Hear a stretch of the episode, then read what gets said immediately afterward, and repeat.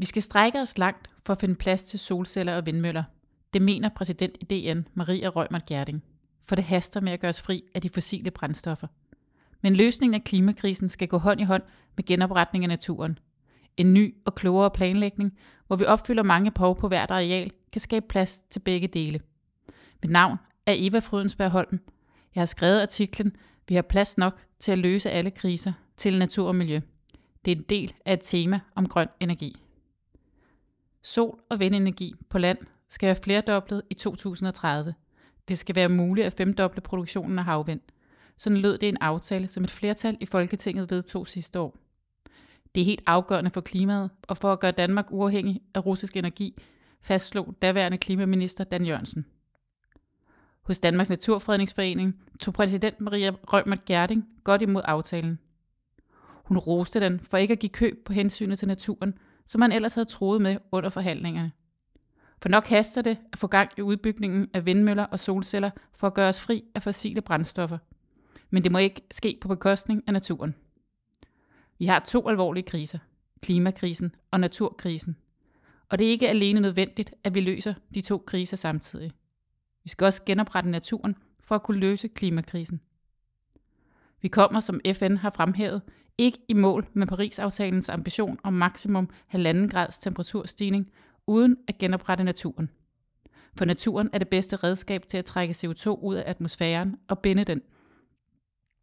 Men hvordan finder vi pladsen til både at firedoble sol- og vindenergi og genoprette vores natur? Det har flere problematiseret, for der er allerede kamp om pladsen i Danmark. Teknologirådets rapport Prioritering af Danmarks areal i fremtiden konkluderede i 2017, at lægger man alle mål for anmeldelse af Danmarks areal sammen, fylder det 130-140 procent af Danmarks areal. Hertil kommer, at opsætning af vindmøller og solceller ofte udfordres af lokal modstand. Men ifølge Maria Rømer Gerding har vi plads nok, hvis vi planlægger på en ny og klogere måde. Vi har masser af plads på land og til havs, hvis vi begynder at tænke i samme eksistens. Vi kan ikke bare fortsætte på den måde, vi hidtil har planlagt, hvor vi siger, her er der areal til landbrug, og her er der areal til noget andet. Vi er nødt til at have flere aktiviteter på samme areal, siger hun og uddyber. Når vi laver store havvindmølleparker, skal de ikke bare være vindmølleparker. De skal også understøtte en rig og mangfoldig havnatur. Der skal være tiltag, der genopretter naturen. Vi er nødt til at kunne tjekke af på så mange behov som muligt på hver eneste areal. Kun biodiversiteten kan få lov til at have et areal eksklusivt til sig selv. Der skal være 10% strengt beskyttet natur i Danmark, hvor kun naturen har plads, fastslår Maria Rømert Gerding. Skal vi i mål med både vedvarende energi og natur, så kræver det ifølge Maria Rømert Gerding, at politikerne tager ansvar og udpeger egnede arealer. En af de vigtigste opgaver for vores nye regering er at screene vores arealer og pege på, hvilke områder, der er egnet til at opstille vindmøller og solceller, og hvilke der ikke er, fordi det er i konflikt med naturbeskyttelse eller generer dyrelivet. På den måde undgår vi at tage stilling til at lave tonsvis af undersøgelser fra sag til sag, og energiselskaberne slipper for at investere en masse penge i at få uegnede områder undersøgt. Det er Finn Arler, professor på Institut for Planlægning på Aalborg Universitet, enig i. Han mener heller ikke, at vi mangler plads, men at udfordringen er at få placeret anlæggene de rigtige steder. Vi skal kombinere strategisk landskabsplanlægning med strategisk energiplanlægning. På den måde undgår vi mange unødige konflikter. Man kunne for eksempel tage udgangspunkt i de kommunale landskabsplaner eller det grønne Danmarkskort, der viser de områder, der af forskellige grunde bør beskyttes, og så bede kommunerne om at melde lokale placeringer ind. Det er fint, at udspillet kommer fra statsligt hold, men Fælde Arler fremhæver, at det vil være at skyde sig selv i foden, ikke at inddrage kommunerne og de lokale borgere. Særligt hvis det skal gå stærkt, for det risikerer at komplicere processen senere. Det gælder om at få folk med på ideen. Mine kolleger, der har undersøgt, hvad der skaber opbakning, siger enstemmigt, at det handler om inddragelse. At man inviterer de lokale til at komme med idéer og være med til at udvælge placering. Det er dem, der kender lokalområdet. Ofte er de ikke imod vedvarende energianlæg. De vil bare ikke have trukket det ned overhovedet. I forhold til solceller ser han, at man kan komme uden om mange udfordringer, ved så vidt muligt at holde dem væk fra det åbne land, og i stedet placere dem tæt på industri- og byområder, hvor vi faktisk har flader med plads til dem. På tage af lagerhaller, kontorejendomme, industribygninger, på parkeringspladser eller langs med motorveje. Her generer de hverken biodiversiteten eller udsyn. Placerer vi dem her, tæt på, hvor man skal bruge energien, frem for på en fjern mark, slipper vi også for at trække lange ledninger, siger han. Vindmøllerne følger mindre i omkreds og er derfor nemmere at placere på landbrugsarealet. Udfordringen kan her være afstanden til naboerne. I forhold til landbrugsjorden foreslår han blandt andet at trække på såkaldt multifunktionel jordfordeling. Der er mange landmænd, der er ældre eller har økonomiske problemer, og som ønsker at sælge deres jorder. Man kan gennem en kommunal pulje opkøbe nogle af deres jorder og få frigjort arealer, der enten selv egner sig til vindmøller, solceller eller PTX-anlæg, eller kan byttes med arealer med god placering, siger han. Hos DN hviler blikket også på landbrugsarealet, både når det handler om solceller og landvindmøller. At skabe samme eksistens mellem vedvarende energi og natur på landbrugsjord vil gå fint i spænd med udviklingen mod et mere bæredygtigt landbrug, kendetegnet ved større diversitet. Lige nu har vi en voldsom intensiv produktion. Alt er drænet og opdyrket. Vi skal have et landbrug, hvor vi har færre husdyr, og hvor vi producerer plantebaseret mad til mennesker, frem for foder til dyr. Her vil vi opleve en større diversitet af træer, buske og markafgrøder, hvor man også kan placere solceller og vindmøller. Solcellerne vil skæmme mindre, fordi de ikke står på rene flader, men er skjult af opvækst, der samtidig kan sikre biodiversitet og binde CO2, forklarer Maria Røgmert Gerding. Energiselskabet Better Energy indgik sidste år et samarbejde med DN om i højere grad at bruge vind- og solenergi som løftestang til at øge biodiversiteten. De har gennem flere år arbejdet med at forene udbygningen af vedvarende energi med at genoprette natur, og er blandt andet i gang med at anlægge en solcellepark ved Vejle, hvor selve solcelleparken skal fylde cirka to tredjedel af arealet. På det resterende areal skal der laves nye naturområder og reetableres vådområder. Der skal genslynges vandløb og rejses skov.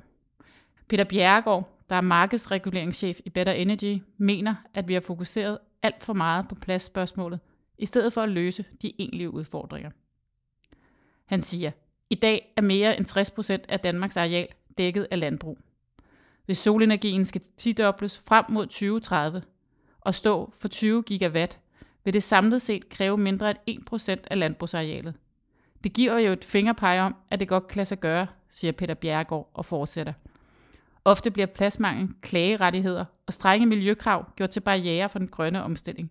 Men i virkeligheden er der et overskyggende problem, og det er nettilslutning. Vi skal i gang med at indhente investeringsefterslæbet i elnettet, hvis vi skal lykkes med at udskifte fossile brændsler med grøn strøm og nå vores klimamål. En videre fremhæver Peter Bjerregaard, at miljøkravene ikke udgør en barriere eller er for strenge.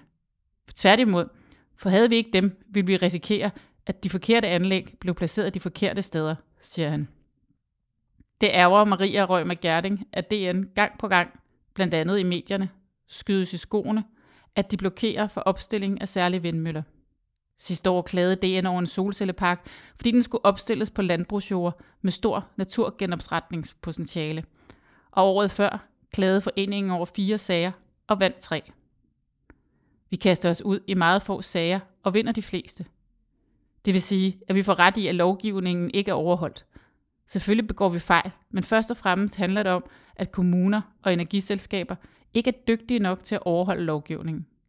Vi er nødt til at anerkende, at der er steder, hvor vindmøllerne ikke kan stå. Hvis de truer naturen, må de placeres et andet sted. Hun fremhæver, at vi står i en alvorlig krise, og derfor skal vi strække os langt, når det handler om den vedvarende energi. Æstetik og udsigter er ikke argumenter for at forhindre vindmøller. Det har foreningen netop slået fast i en ny vindmøllepolitik. At nogen synes, at en mølle er grim eller skygger for deres udsigt, må ikke stå i vejen for udbygningen af den vedvarende energi. Og DN skal derfor ikke gå ind i den slags sager.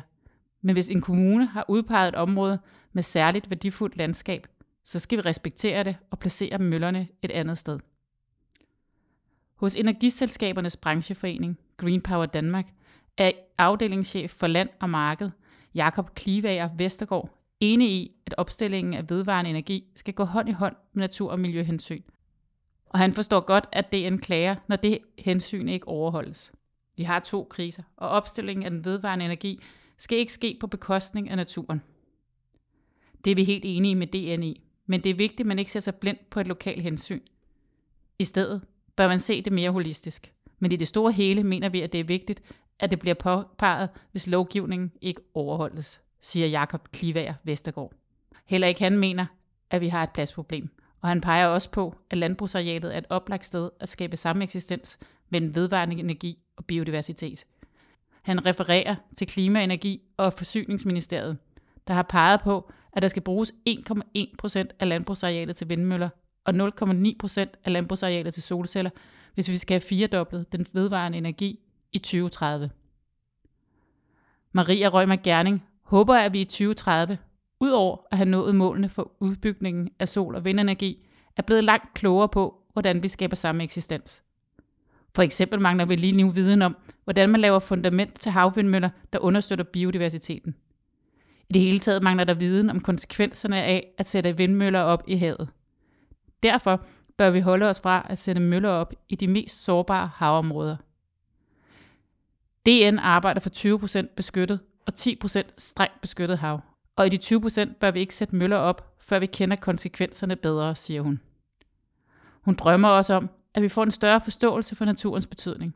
I Holland er man begyndt at lade hensynet til naturen være et kriterium for at kunne vinde et udbud om en havvindmøllepark. Sådan så hun gerne, at det også blev i Danmark. Vi er nødt til at lade naturen komme først. Men det er en ny måde at tænke på. Politikerne er ikke vant til, at det er økosystemernes bæreevne, der sætter dagsordenen, siger Maria Rømer Gerding, og peger på noget, vi ofte glemmer at tale om, når vi skal have vores energi til at strække så langt som muligt. Måske fordi det er lidt kedeligt. Vi kommer ikke udenom energibesparelser. En renere energiteknologi er ikke i sig selv nok. Det er der hverken råstof, plads eller ressourcer til. Vi skal også blive bedre til at bruge mindre.